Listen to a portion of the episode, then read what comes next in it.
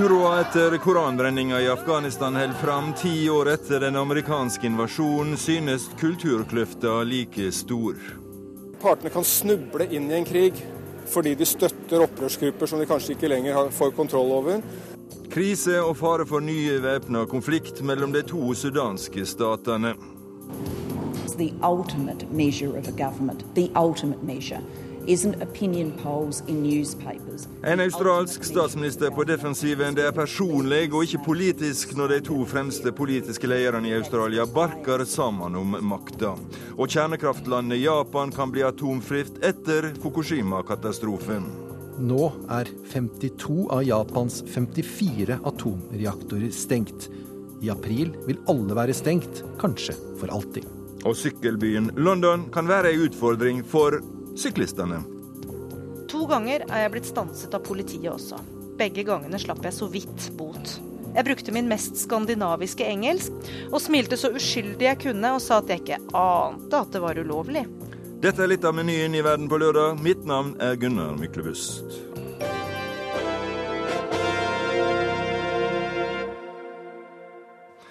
Men først Syria, som måtte gjennom nok en blodig dag i går. Samtidig har vestlige og arabiske land sitt sammen i Tunis og samordner diplomatiet sitt overfor Syria. Og korrespondent Sigurd Falkenberg Mikkelsen, er det noe som tilsier at det nye presset mot Syria vil gi resultat?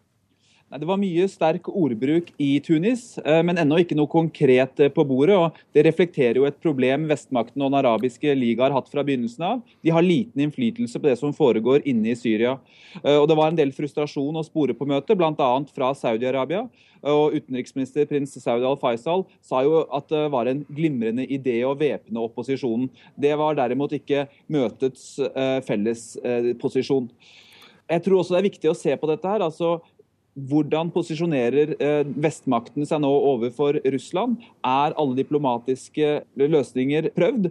Eh, og jeg tror Det er viktig også for mange land som er med her, bl.a. Norge, at man ikke slavisk følger posisjonen til USA og noen av de mest ivrige sunni-arabiske landene i denne konflikten. Røde Kors har begynt å hente ut såra sivile ut av eh, beleira deler av Homs. Er det uttrykk for at presset kanskje lykkes?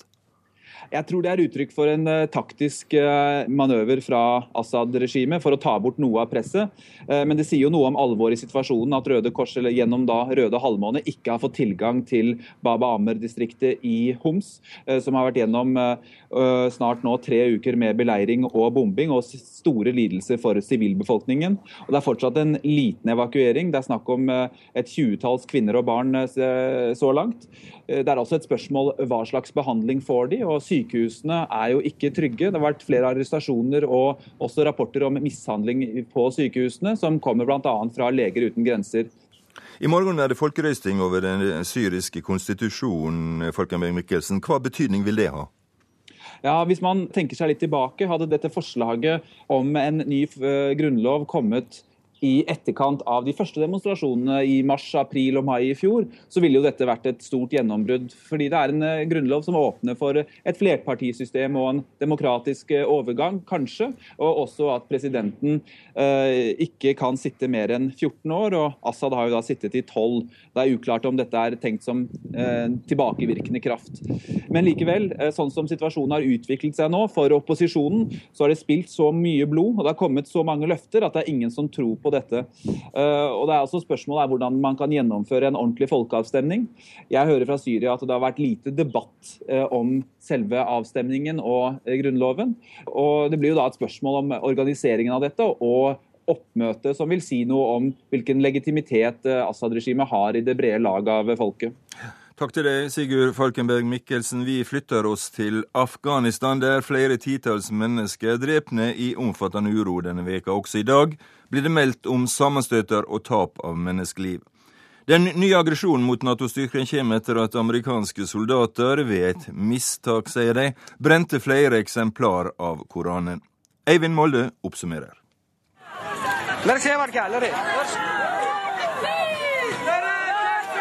Fredag ettermiddag i den afghanske byen Kost. En Nato-konvoi er satt i brann av sinte demonstranter. To mennesker er drepne.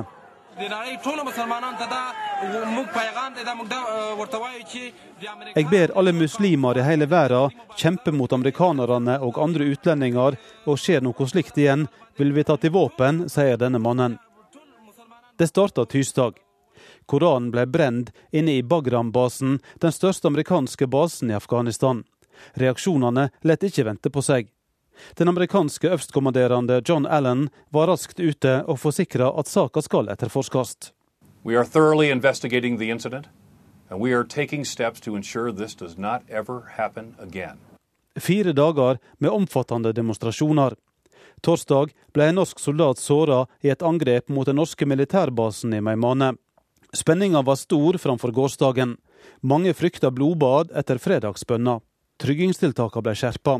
Og det ble den blodigste dagen siden protestene starta tirsdag, men ikke så omfattende som frykta. Rundt 15 mennesker ble drepne og flere titalls såra i demonstrasjoner både i Kabul og flere andre steder i landet. I Herat prøvde demonstranter å storme det amerikanske konsulatet. Et tjuetalls mennesker er drepne siden uroa starta tirsdag.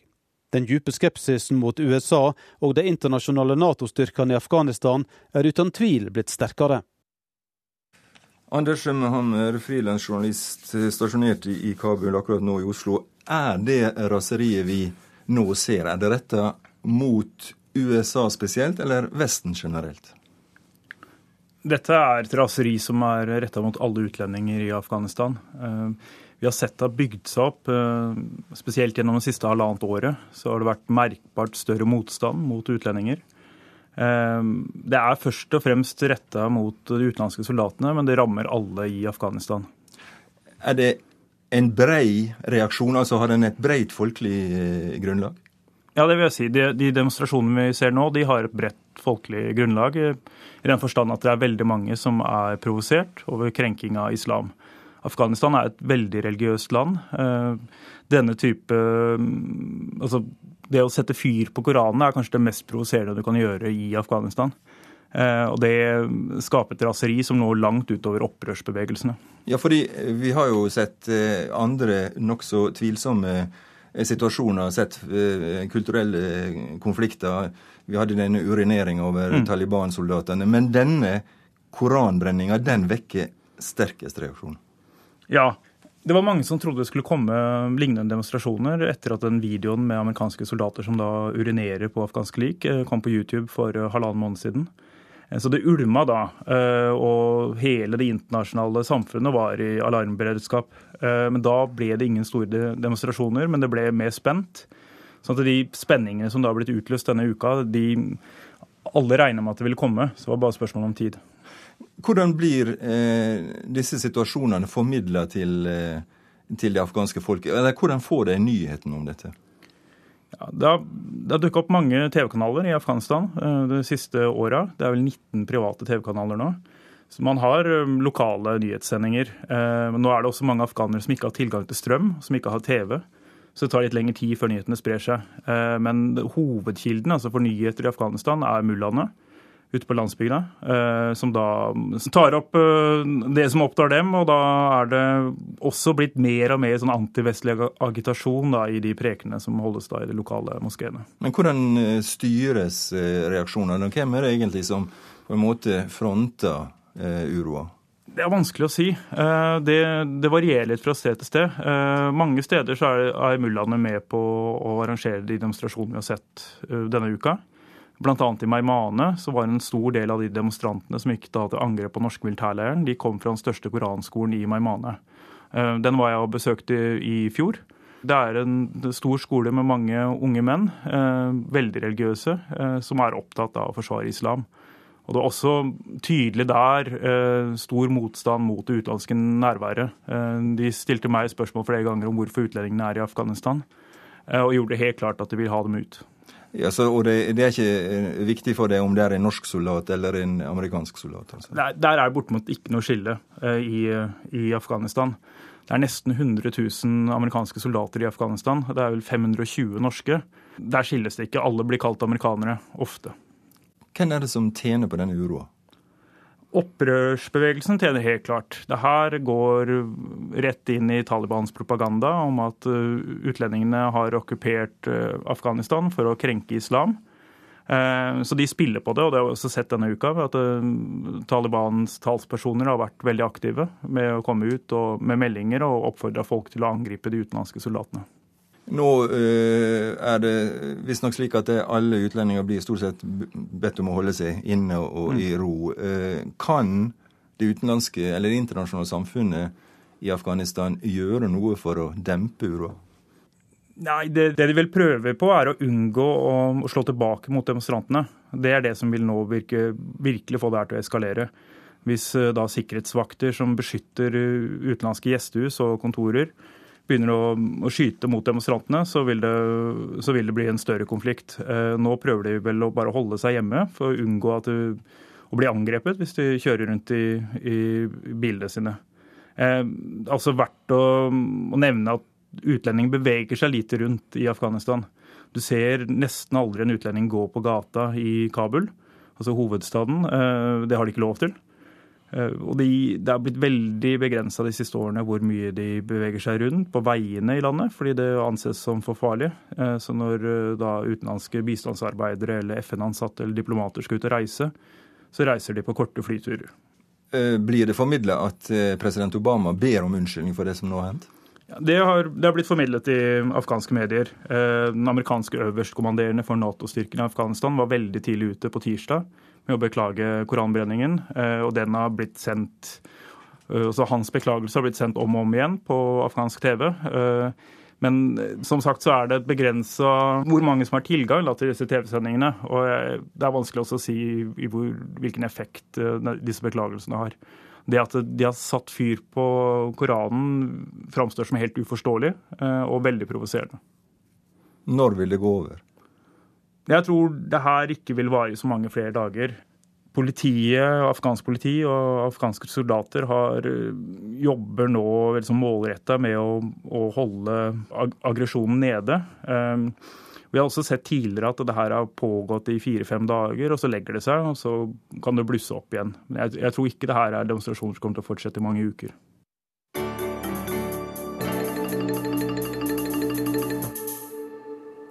Sju måneder etter delinga av Sudan er det krise i forholdet mellom Sør-Sudan og regimet i Khartoum. I sør påstår de at Khartoum-regimet har stjålet fem millioner fat olje, og dette har ført til at oljeproduksjonen er stengt.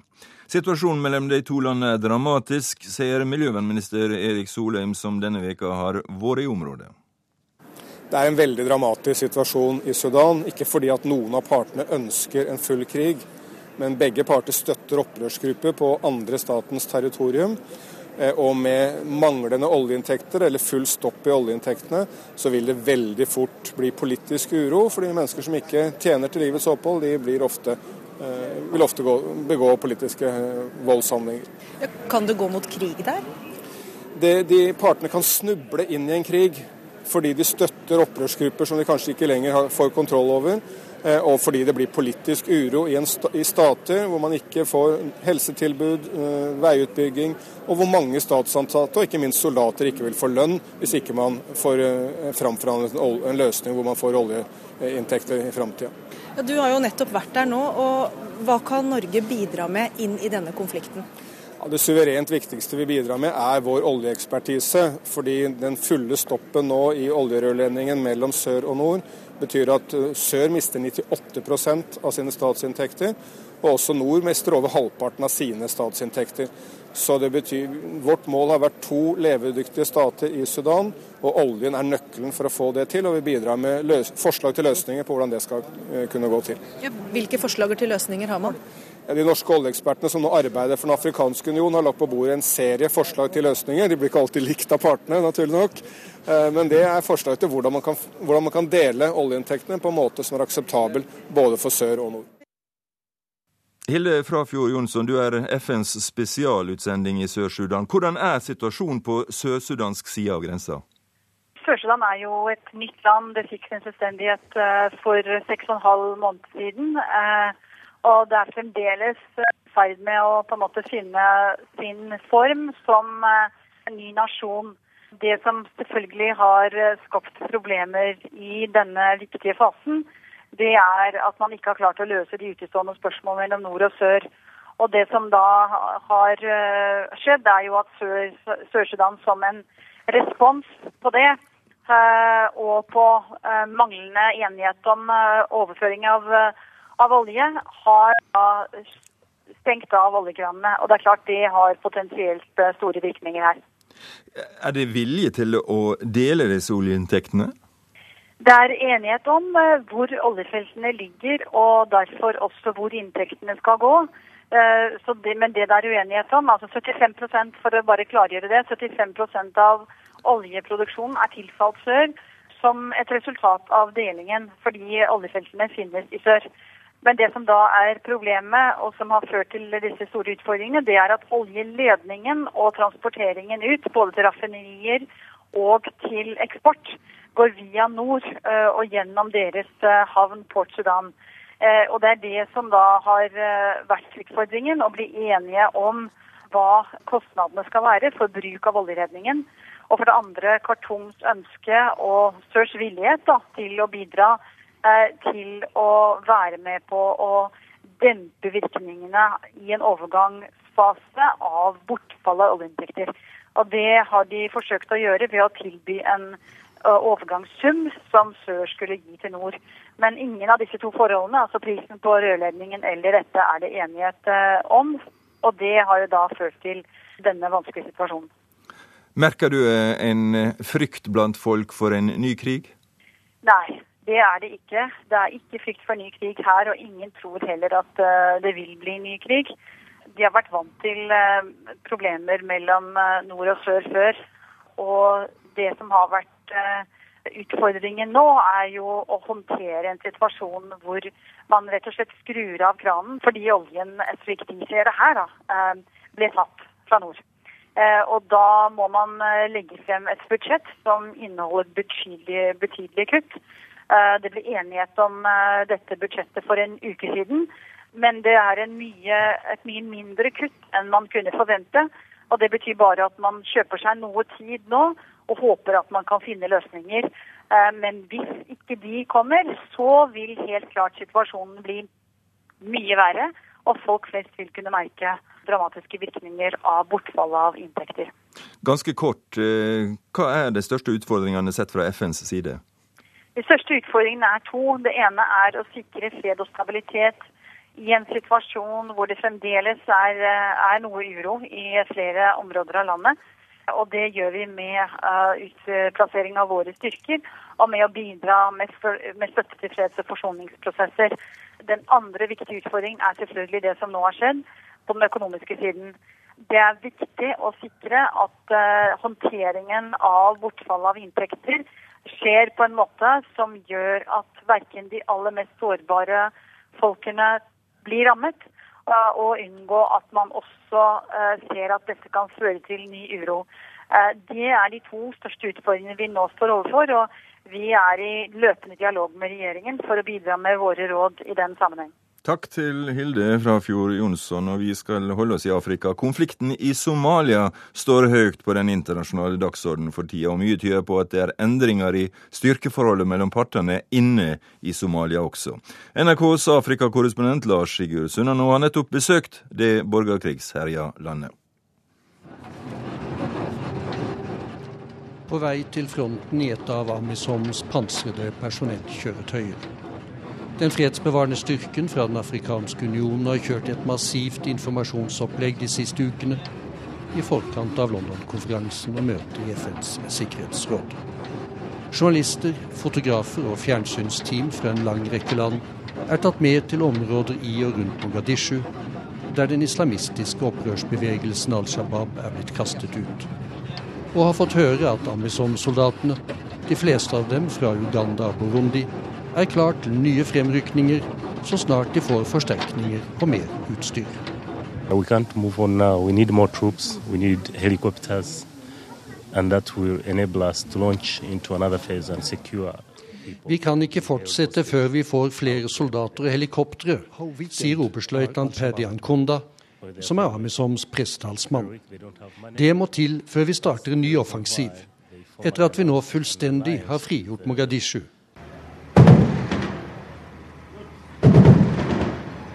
Nå får Amazon både flere folk og tyngre våpen. Styrken skal utvides fra 12 000 til nærmere 18 000 soldater, etter vedtak i FNs sikkerhetsråd tidligere i denne uken. Det militære trykket på Al Shabaab ut fra Mogadishu vil øke tilsvarende. Samtidig presses opprørsbevegelsen også fra vest. Troppenheter fra Etiopia erobret dagen før London-konferansen byen Baidoa i den sentrale delen av Somalia. Baidoa er den nest største av byene som de islamistiske opprørerne har holdt i et jerngrep. Men nå rakner det for Al Shabaab, mener oberstløytnant Ankonda. They are very weak. Very weak. They don't have money. That's the reason why they formally announced an alliance with uh, De er svært svekket og slipper opp for penger, sier han. Det er nok en av årsakene til at de har sluttet seg til Al Qaida. Men de har altså ikke penger lenger, og mangler forsyninger. Militærhelikoptre tar av fra landsbyen Tadba sør i Somalia, 70 km fra grensen til Kenya. Også her er Al Shabaab drevet ut. Men den kenyanske hæren har hittil ikke kunnet skryte av avgjørende fremganger. Kishmayo skulle tas i løpet av en uke, het det da offensiven startet for snart fem måneder siden. Angivelig fordi utenlandske turister var blitt kidnappet i Kenya og ført til denne havnebyen. Men Kishmayo kontrolleres fortsatt av de islamistiske opprørerne. Det forklarer en talsmann for de kenyanske styrkene slik. Going to Afmado or going to Kismayo is not a problem. But the problem is when you get to, to Kismayo, have you restored normalcy? Det er ikke noe problem å nå Kishmayo. Problemet melder seg når byen er tatt og vi skal gjenopprette normale tilstander, sier oberstløytnant Jeff Ondieki. Al Shabaab kan skjule seg blant befolkningen og falle oss i ryggen. Vi må være meget varsomme før vi inntar havnebyen. Men slaget om Kishmayo nærmer seg. Om det blir den kenyanske hæren som rykker inn, eller om den får hjelp fra Amisom, gjenstår å se. Også franske og amerikanske spesialsoldater vil kunne tre støttende til. Det er ingen hemmelighet at de allerede på forskjellige måter deltar i kampene mot Al Shabaab i Somalia.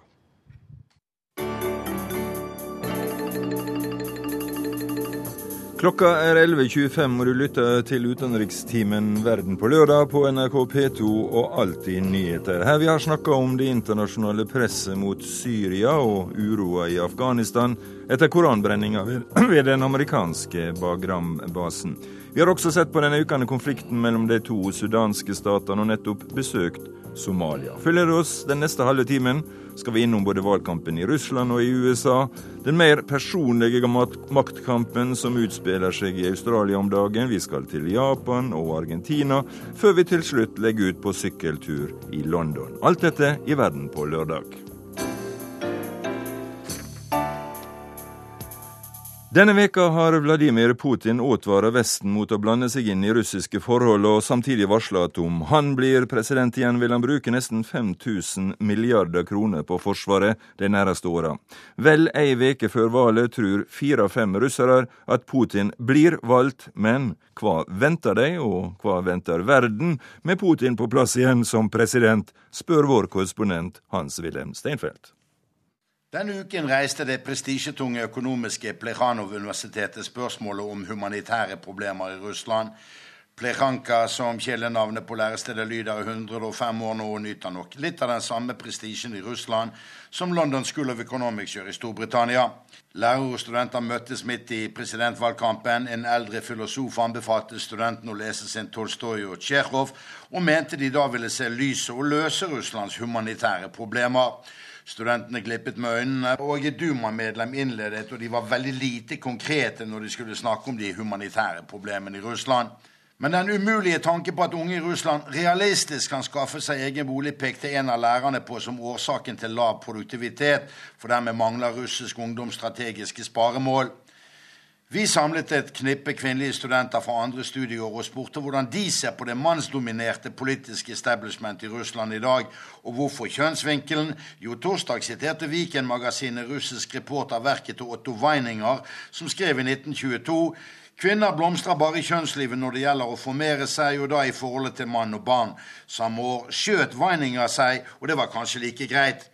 Men når Weininger trekkes frem i russiske medier i dag, er det selvsagt fordi kvinners politiske deltakelse i Russland omtrent er fraværende og ligger 100 år etter f.eks. Norge. Sjokkerende mange russiske menn deler Weiningers syn på kvinner. Vi diskuterer jo de politiske prosessene, men det er jo som om vi ikke deltar selv i dem. Og det kunne vi jo ønske, sier 20 år gamle Alla på Plikhanov-universitetet. Hennes medstudiene brenner av denne salven mot den politiske eliten som aktivt stenger ute mulig politisk konkurranse. Современная власть, получается, партия власти отстраняет любую конкуренцию, которая сейчас вообще возможно, что э, будет происходить смена элиты, и этому всячески препятствует. Dagens makthavere sørger for å fjerne partier som kunne representere politisk konkurranse. Man må nærmest tenke på en utskiftning av den politiske elite. Men det er jo ikke til fordel for dagens makthavere, som dermed mister havresekken de nærer seg av. Og partier som kunne speile folkeviljen, slipper ikke til topps i det politiske liv, sier statsvitenskapsstudenten Vera på Plekhanov-universitetet. Партии, которые действительно могли бы аккумулировать какие-то интересы народа, не попадают в верхи. På toppen av russisk politikk har derimot Vladimir Putin sittet i tolv år, og denne uken varslet han at Putin vil bruke 4,6 000 milliarder kroner på Forsvaret de neste åtte år. Onsdag besøkte Putin Taman-divisjonen. Der kom han med en liten sjelden innrømmelse til Putin å være når det gjelder en slik astronomisk forsvarssatsing. Нам, нам нужно проводить э, реально политику и не перегружать экономику. Если мы перегрузим экономику и социальную сферу, vi må føre en realistisk politikk og ikke overbelaste økonomien. For hvis økonomien overbelastes sammen med den sosiale sfære, mister vanlige folk uten tilknytning til Forsvaret troen på oss, sa statsminister Vladimir Putin. Og den sannsynlige neste president i Russland la til Когда мы говорим о развитии вооруженных сил, мы эти цифры знаем, вы все знаете. Vi må alltid finne en balanse, og når vi snakker om slike tall for styrking av Forsvaret som dere nå vet, så er satsingen helt i grenselandet for det mulige. Våre kritikere som sier dette er altfor mye, dette klarer verken dere eller våpenindustrien, de kritikerne må vi også lytte til, sa Vladimir Putin. I går summerte opposisjonsavisen over gassert opp noen av skavankene i det sivile russiske samfunn som svar på denne forsvarssatsingen. Mord skjer 40 ganger hyppigere her i Russland enn i EU. Ingen har trygghet for liv og eiendom. Sykebilen i Putins Russland bruker tre timer på å nå frem til deg, og vi dør som bikkjer, skrev Novaja Gazeta. Hva sa president Dmitrij Medvedev i sin tale om rikets tilstand 22.12. i fjor? Чем благополучнее общество в целом, тем более явными становится проявление бедности, нарушение прав, несправедливости. Jo mer vellykket samfunnet sett under ett blir, desto tydeligere blir vårt fattigdomsproblem, krenkelse av folks rettigheter og av rettferdigheten. Folk er trett av at de aldri får løst sine mest påtrengende problemer på effektivt vis og i rimelig tid, sa utgående president Dmitrij Medvedev. Люди устали от того, что их интересы ignorerer. Folk er slitne av at deres interesser simpelthen ignoreres, fyrte Dmitrij Medvedev av med å si. Dette er boet som Vladimir Putin tar over som mulig ny president. Bedriver han sabelrasling i forhold til verden ute? Svaret nei, men Putin er mer nasjonalistisk enn Dmitrij Medvedev, mer konfronterende og mindre tillitsskapende. Som nyslått medlem av WTO vet imidlertid Russlands Putin at som stor gasselger til EU, og med behov og håp om modernisering og økonomisk vekst hjemme, så trenger Russland sårt en bedre plass i internasjonal økonomisk arbeidsdeling. Men med Putin tilbake som president i Kreml skal ingen trå den russiske bjørn for nær. I USA rusler og går nominasjonskampen i det republikanske partiet, og i Midtvesten er norsk-amerikanere blitt ei viktig velgergruppe. Vår korrespondent Jon Gelius har snakka med ambassadør Vegger Strømmen om den norske velgerskaren i amerikansk politikk.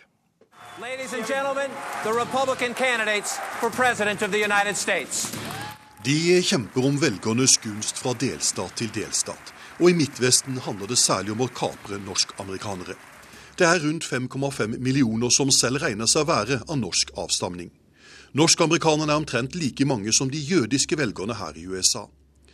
Norges ambassadør til USA, Vegard Strømmen, mener norsk-amerikanerne er en viktig velgergruppe, både i antall og for sitt verdigrunnlag. Eh, de norsk-amerikanske miljøene tror jeg kanskje mange har oppfattet som litt sånn verdikonservative i utgangspunktet. De følger mye de områdene der de, eh, der de bor. Og Hvis vi da ser på Midtvesten, hvor det er lettest å følge med, så er det klart at det er en noe større tendens i retning av ute i Nord- og Sør-Dakota for republikanerne. Og f.eks. i Minneapolis, og særlig de sentrale områdene i, rundt Twin Cities i, eh, i Minnesota, noe mer demokratisk. Who has the best chance to beat Obama? Rick Santorum. A full spectrum conservative, Rick Santorum is rock solid on values issues. Reklamekampanjene for Rick Santorum fremhever han som redningsmannen for USA. Den konservative katolske kandidaten har skutt fart de siste ukene, og puster nå favoritten Mitt Romney i nakken. Santorum tok en overraskende trippelseier i Missouri, Colorado og norskpregede Minnesota. At han også klarte å vippe den første delstaten Iowa i sin favør, kan Santorum trolig takke norsk-amerikanere for. Rick Santorum, a trusted conservative who gives us the best chance to take back America. I'm Rick Santorum, and I approve this message. Eh, nordmenn i Iowa er spredd over hele Iowa, men det er to-tre counties. Et langt ute vest, et nord for Des Moines og et oppe i det nordøstlige hjørnet, som har særlig tungt norsk innslag. Og der virker det nok som relativt mange av nordmenn har stemt på Rick Santorum. Til tross for at han jo er en katolikk. Men han står for en hel del av de skal vi si, sånn kristne verdiene som norsk, og nok også mange av de norskættede protestantene i Iowa eh, støtter opp om. The former Massachusetts governor, Mitt Romney. Mormoneren Romney ser ut til å havne i republikansk tekamp med katolikken Santorum. Kandidatenes religiøse overbevisning står i kontrast til norsk-amerikanernes tradisjonelle protestantiske arv. Norges ambassadør mener det kristenkonservative miljøet i USA er i endring, og at det ikke fremstår så samstemt som en maktfaktor som ved tidligere valg. Altså, de kristne, konservative miljøene i USA er ikke så sterke nå som de var. De er ikke, I hvert fall ikke er de politisk så markante eller fullt så aktive som det de var, eller, hadde, eller blokken ut, var så stor som den var. Men det er ikke sikkert det er færre av dem, men de er nok mer spredt ut enn det de var for fire eller åtte eh, ti, eh, eh, ti, år siden. Så det forandrer seg hele tiden. To av de fem tyngste norsk-amerikanske delstatene har valgt sin republikanske kandidat. Både Iowa og Minnesota valgte Rick Santorum. I mars avgjør Wisconsin og Nord-Dakota hvem de foretrekker som Obamas republikanske utfordrer, mens Sør-Dakota holder delstatsvalg i juni. Først da får vi vite om de norsk-amerikanske delstatene bare har én republikansk favoritt, nemlig Rick Santorum. I Australia er regjeringa rysta av en stygg maktkamp mellom statsministeren og den tidligere utenriksministeren. Striden er personlig og dreier seg ikke om politikk. Likevel kan utfallet bl.a. få betydning for klimapolitikken til Australia, forteller vår korrespondent Anders Magnus. Det er som å være tilskuer til gjørmebryting, hvor de stridende parter slynger verbale skittklyser mot hverandre. Australias statsminister Julia Gillard anklages for å ha stjålet jobben som Labour-partiet og landets sjef, og at hun er fullstendig ute av stand til å utføre sine oppgaver som leder. Hennes utfordrer, tidligere utenriksminister Kevin Rudd, får også sitt pass påskrevet som inkompetent og illojal. Nå har statsministeren fått nok av denne bitre kranglingen. Denne uken annonserte hun at det kommende mandag skal holdes en avstemning innad i Labour om hvem som skal lede partiet framover.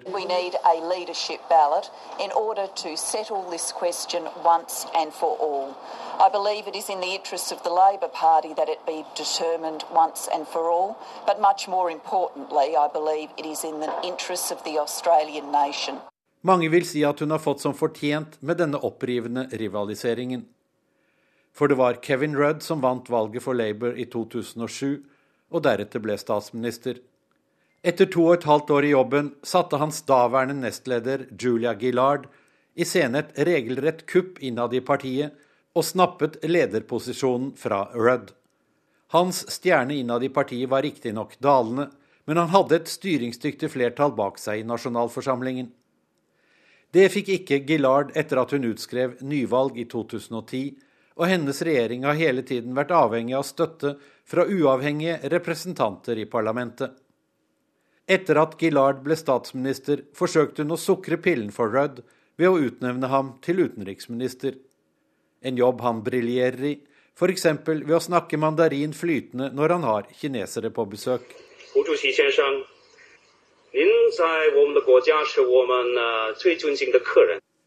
Dette er fra en velkomsthilsen til Kinas kommunistleder Hu Jintao da han besøkte Australia i 2007 og Kevin Rudd fortsatt var statsminister. Etter denne hyggelige seansen ytret Rudd seg mindre fordelaktig om kineserne under klimatoppmøtet i desember 2009. Those Chinese fuckers are trying to ratfuck us, sa han til journalistene etter at forhandlingene var gått helt i stå. Rudd er kjent for å komme med en del slike voldsomme utfall, særlig når han ikke får det som han vil. På den positive siden er han en ihuga tilhenger av en aktiv politikk for å redde verden fra global oppvarming, og Labour-partiet har fått vedtatt en svært omstridt karbonskatt. Verken i miljøpolitikken eller andre politiske spørsmål er det likevel særlig stor uenighet mellom ham og statsminister Gillard. Det er på et rent personlig grunnlag han nå vil utfordre henne som leder av Labour-partiet. Forrige uke gikk han av som utenriksminister under et besøk i USA,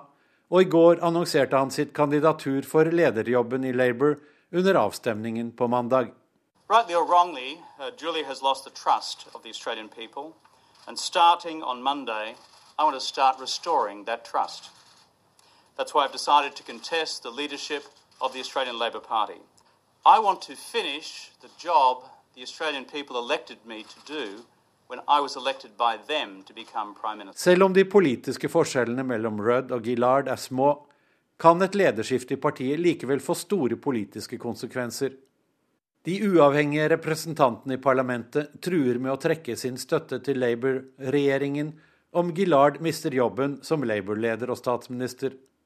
Da kan det bli nødvendig med nyvalg i Australia, et valg den liberalkonservative opposisjonen nå ligger an til å vinne med god margin. Og noe av det første opposisjonen vil gjøre dersom den får makten, er å fjerne karbonskatten og andre omgripende miljølover. Så mange vil si at dersom Kevin Rudd skulle vinne valget på mandag, blir enden på visa et alvorlig skudd for baugen for en miljøpolitikk han selv har strevet så hardt for å gjennomføre.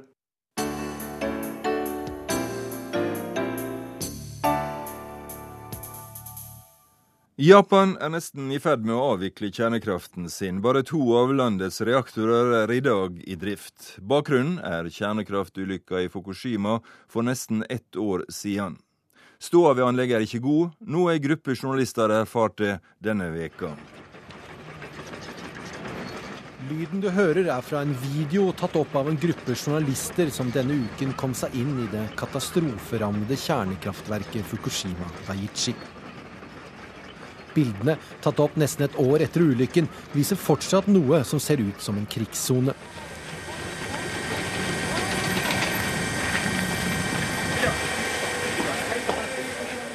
Mesteparten av de vridde metalldelene og betongen som lå på bakken etter at jordskjelvet, tsunamien og eksplosjonene hadde gjort sitt, er nå ryddet unna. Men ruinene av reaktorbyggene står der fortsatt, nesten urørt.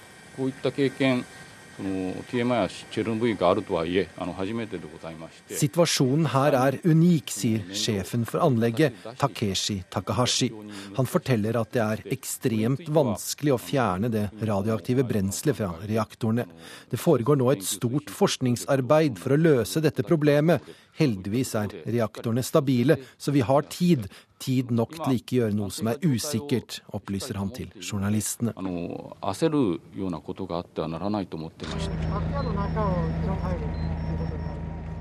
Journalistene som filmer og fotograferer, blir kanskje ikke beroliget av ordene om stabile reaktorer.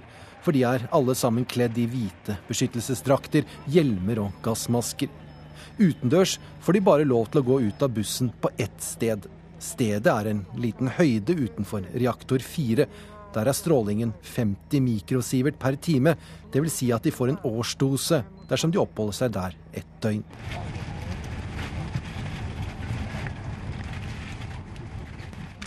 Bussen kjører forbi kjølesystemet for reaktorene.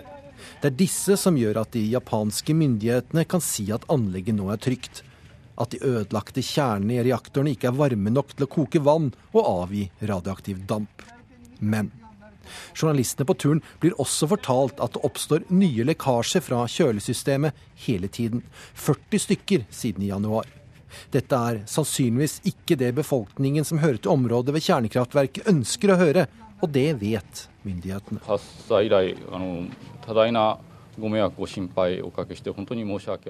Sjefen for anlegget ber nok en gang om unnskyldning. Til alle i verden som ble skremt, og til befolkningen som ble drevet vekk fra nærområdet. Det verste med hele ulykken var at vi ikke kunne unngå å evakuere folk, sier Takahashi. Rett utenfor anlegget kommer journalisten inn i et rom der arbeidere blir målt for radioaktivitet. Hver gang de går inn i anlegget, blir arbeiderne utsatt for stråling. Etter hvert må de settes til annet arbeid. Dyktige medarbeidere forsvinner, noe som gjør jobben enda vanskeligere for dem som er igjen.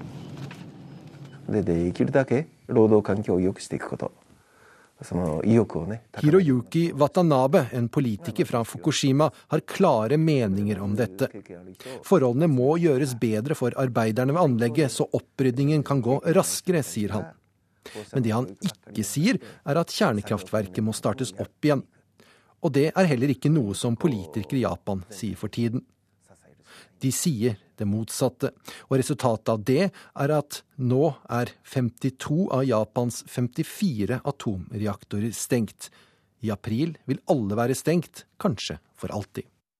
Sa kollega Halvard Sandberg. Vi skal til Argentina og et dystert tiårsminne. I 2002 kollapsa landets økonomi fullstendig. Millioner av mennesker ble ruinert, og det var store opptøyer i en rekke argentinske byer. Vår reporter Hans Stefansen er i den argentinske hovedstaden og har sendt oss denne reportasjen. Tre menn står bøyd over hver sin søppelsekk og jobber så svetten siler. Det er sen kveld i den argentinske hovedstaden, men de tre mennene har mange timers arbeid foran seg. De kaller seg cartoneros, og jobben deres er å sortere ut papp og papir som de kan selge.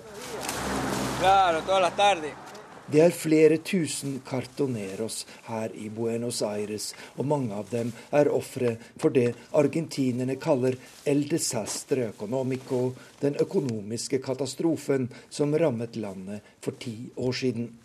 Den 43 år gamle Gabriel Ulloa hadde penger i banken og en god stilling i et kooperativ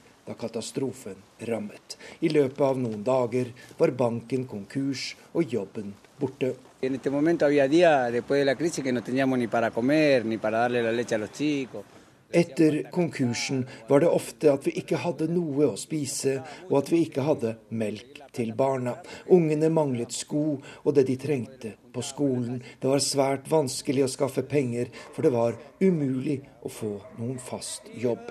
Vi levde av det vi greide å skrape sammen på gata, sier han. Og selv om han har prøvd alt i løpet av de siste ti årene, har han ikke greid å skaffe seg annet arbeid enn å jobbe i søpla.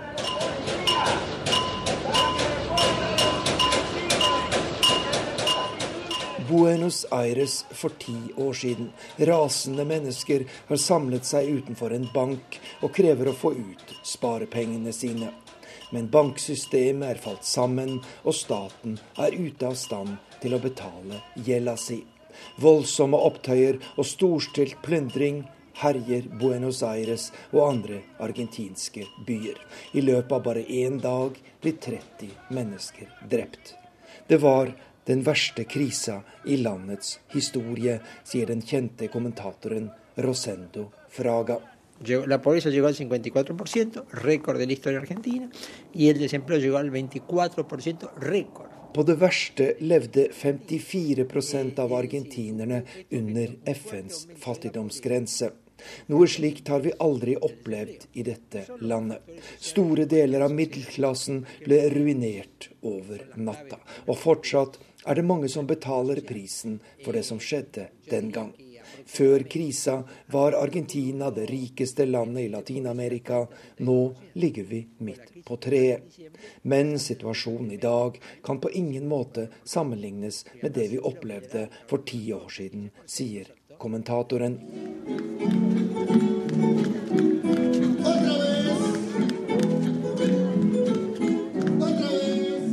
Argentinske bønder svinger seg i dansen på det kjente landbruksmarkedet Matadero her i Buenos Aires. Og de har grunn til å slå seg løs. For det er først og fremst eksporten av fremragende jordbruksvarer, kjøtt, korn, vin og soya, som har reddet landet ut av krisa. Da staten gikk konkurs, nektet regjeringen å innfri sine lån, og verdien av valutaen peso falt som en stein, noe som ga enorme økonomiske fordeler for de argentinske eksportørene. El campo es el que levanta las naciones, Det er landsbygda som bærer nasjonen når den er i krise, sier matvareeksportøren Andres Cáceres. Og her i Argentina var det landbruket som reddet oss. Kjøttprodusentene har skapt enorme verdier, og landbruksnæringen har virkelig stått på for å greie den fremgangen vi har sett, sier han. Men andre mener det også var en god slump flaks som brakte Argentina ut av krisa. La gran suerte que tuvo la Argentina fue que a partir del 2003 el precio de los alimentos empezó a subir. Argentina hadde det store hell at fra 2003 steg matvareprisene på verdensmarkedet kraftig, sier kommentatoren Rosendo Fraga. Det som Argentina eksporterer og henter størstedelen av sine statlige inntekter fra, økte altså kraftig i verdi. Dermed kunne landet komme seg raskt på fote igjen økonomisk, slik at vi kunne få til en avtale med kreditorene og begynne å betale ned gjelda vår, sier han.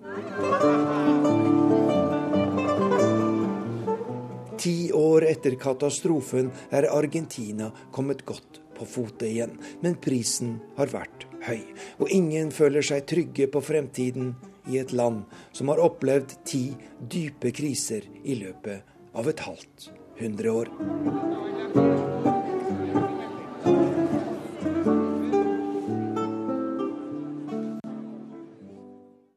Vi er framme ved korrespondentbrevet som i dag kommer fra det som gjerne vil kalle seg sykkelbyen London, og er skrevet av en sterkt tvilende syklist, Gry Blekastad Almås. Jeg skulle ut et ærend, måtte i en spesialbutikk et kvarters tid unna. Skulle jeg ta bilen, T-banen, buss, beina eller sykkelen? Jeg tok en kjapp oppsummering for meg selv.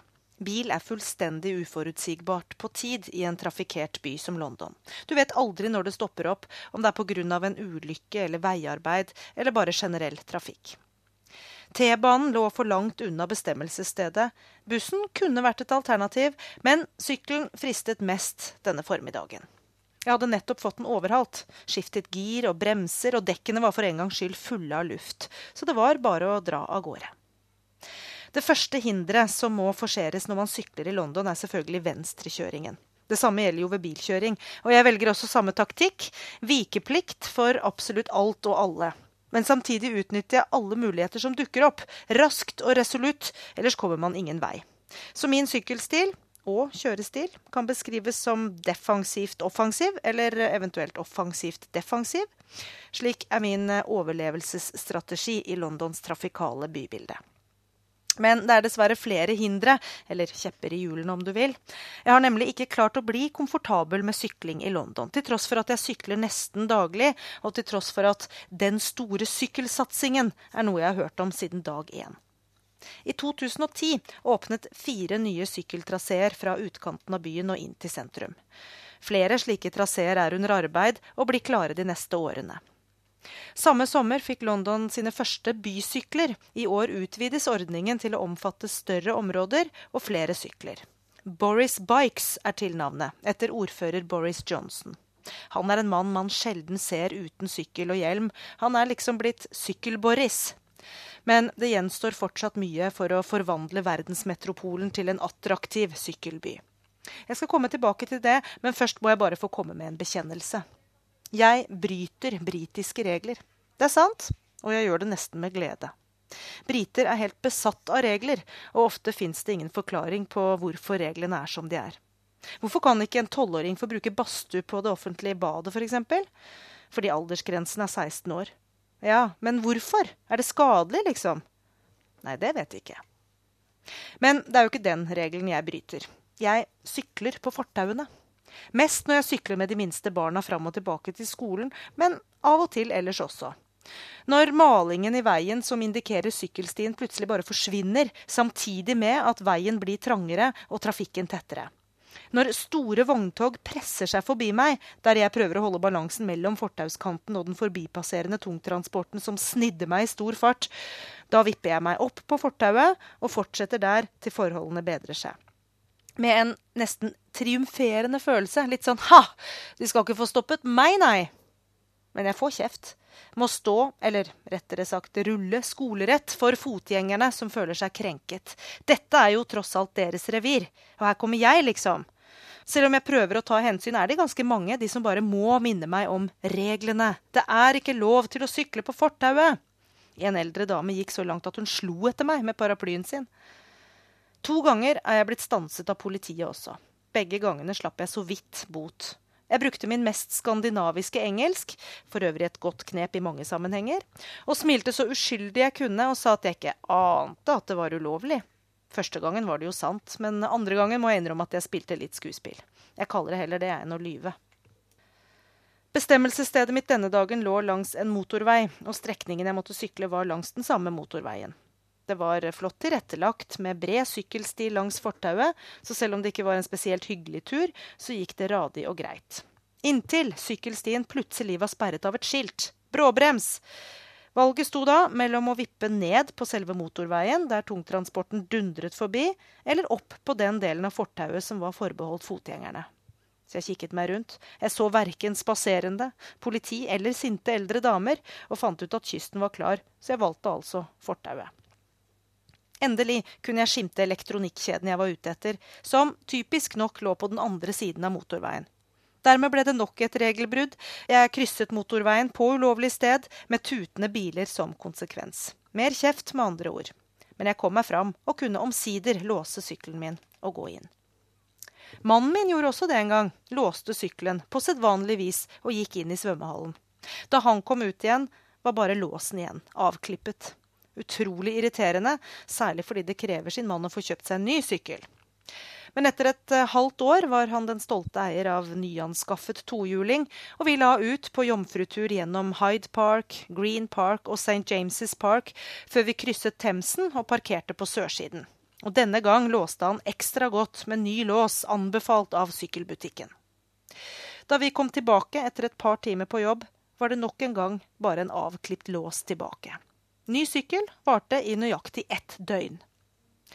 Imponerende nok ringte politiet dagen etter anmeldelsen av tyveriet. De hadde funnet en sykkel som passet beskrivelsen. Så mannen min dro til politistasjonen på den andre siden av byen, med tog denne gang, men det var dessverre feil sykkel. Og det skulle ta et nytt halvår før han nå endelig kan kalle seg sykkeleier igjen. Han er nå på sin tredje sykkel i løpet av drøye halvannet år i sykkelbyen London. Etter besøket i elektronikkjeden satte jeg meg igjen på sykkelsetet og begynte på hjemveien. Det er storpolitikk det jeg driver med denne dagen. Sykling står høyt på agendaen foran valget på ny ordfører i London i begynnelsen av mai. Og løftene hagler. Labours kandidat Ken Livingston, som også var ordfører i London tidligere, har lovet å gi syklister fem sekunders tjuvstart på bilistene ved trafikklys hvis han vinner valget. Konservative Boris Johnson har fremmet sin årlige sykkelfestival med bilfrie sentrumsgater. Og storavisa The Times kjører gigantisk sykkelkampanje med daglige forsidereferanser og store oppslag om sykling. Imens er det mange som meg som sykler. Og stadig blir det flere og mange av dem blogger. Det popper opp nye sykkelblogger til stadighet. For det er mange som mener at mye gjenstår i denne sykkelsatsingen som myndighetene skryter sånn av. For det er fortsatt farlig å sykle i storbyen. For få måneder siden ble to syklister drept med tre ukers mellomrom. Begge syklet i de nye sykkeltraseene. Begge ble drept i trafikkerte veikryss med lastebiler involvert. Av de til sammen 16 syklistene som ble drept i London-trafikken i fjor, var 12 av dem i møte med lastebiler. Nå lover Transport for London å gjennomgå sikkerheten i 500 av Londons veikryss. Mens parlamentarikerne i Westminster denne uka gjennomførte en maraton av en sykkeldebatt i Houses of Parliament. I nesten fire timer diskuterte over 70 parlamentsmedlemmer ulike virkemidler for å gjøre sykling sikrere og mer utbredt. Så jeg føler meg egentlig litt modig, eller kanskje egentlig bare dum, som i det hele tatt tør å begi meg ut på sykkeltur langs trafikkerte veier. Derfor prøver jeg alltid å velge turveier eller parker der det er mulig. Men eh, heller ikke det er enkelt. For det er veldig mange regler man ikke uten videre vet om i Londons offentlige parker. F.eks. den at du bare har lov til å sykle på de ytterste veiene gjennom parken, ikke de indre veiene. I hvert fall var det sånn i den ene parken jeg syklet igjennom, hvor jeg ble stanset av en parkvokter som ba meg vennligst om å gå av sykkelen min og trille. For riktignok var det lov å sykle der for små barn som var i lærestadiet, men jeg kunne vel neppe sies å tilhøre den kategorien. Stadig kjeft å få. Men langs Themsen får jeg sykle i fred. Nesten. Der er det bare de ivrigste joggerne som kjefter. Og også der blir det i overkant trafikkert i en by som London, hvor det er tjukt av mennesker overalt hvor man beveger seg. Fravær av trengsel, trafikk og støy er faktisk noe jeg har lært meg å sette enda større pris på etter at jeg kom hit. Det er faktisk blitt et stort savn. Nærvær av natur, stillhet og ensomhet er noe av det selv en byjente som meg identifiserer meg stadig mer med. Og slikt fins det lite av i London. Heldigvis har byen andre skatter som jeg fortsatt skal forsyne meg av. Men om jeg gjør det ved hjelp av sykkel, det spørs. Og Korrespondentbrevet fra London kan du høre igjen i en kortversjon av denne utenrikssendinga etter Dagsnytt klokka 16.30. Vi som har hatt ansvaret for Verden på lørdagtimen, er Finn Lie, Tove Søtorp og her i studio Gunnar Myklebust.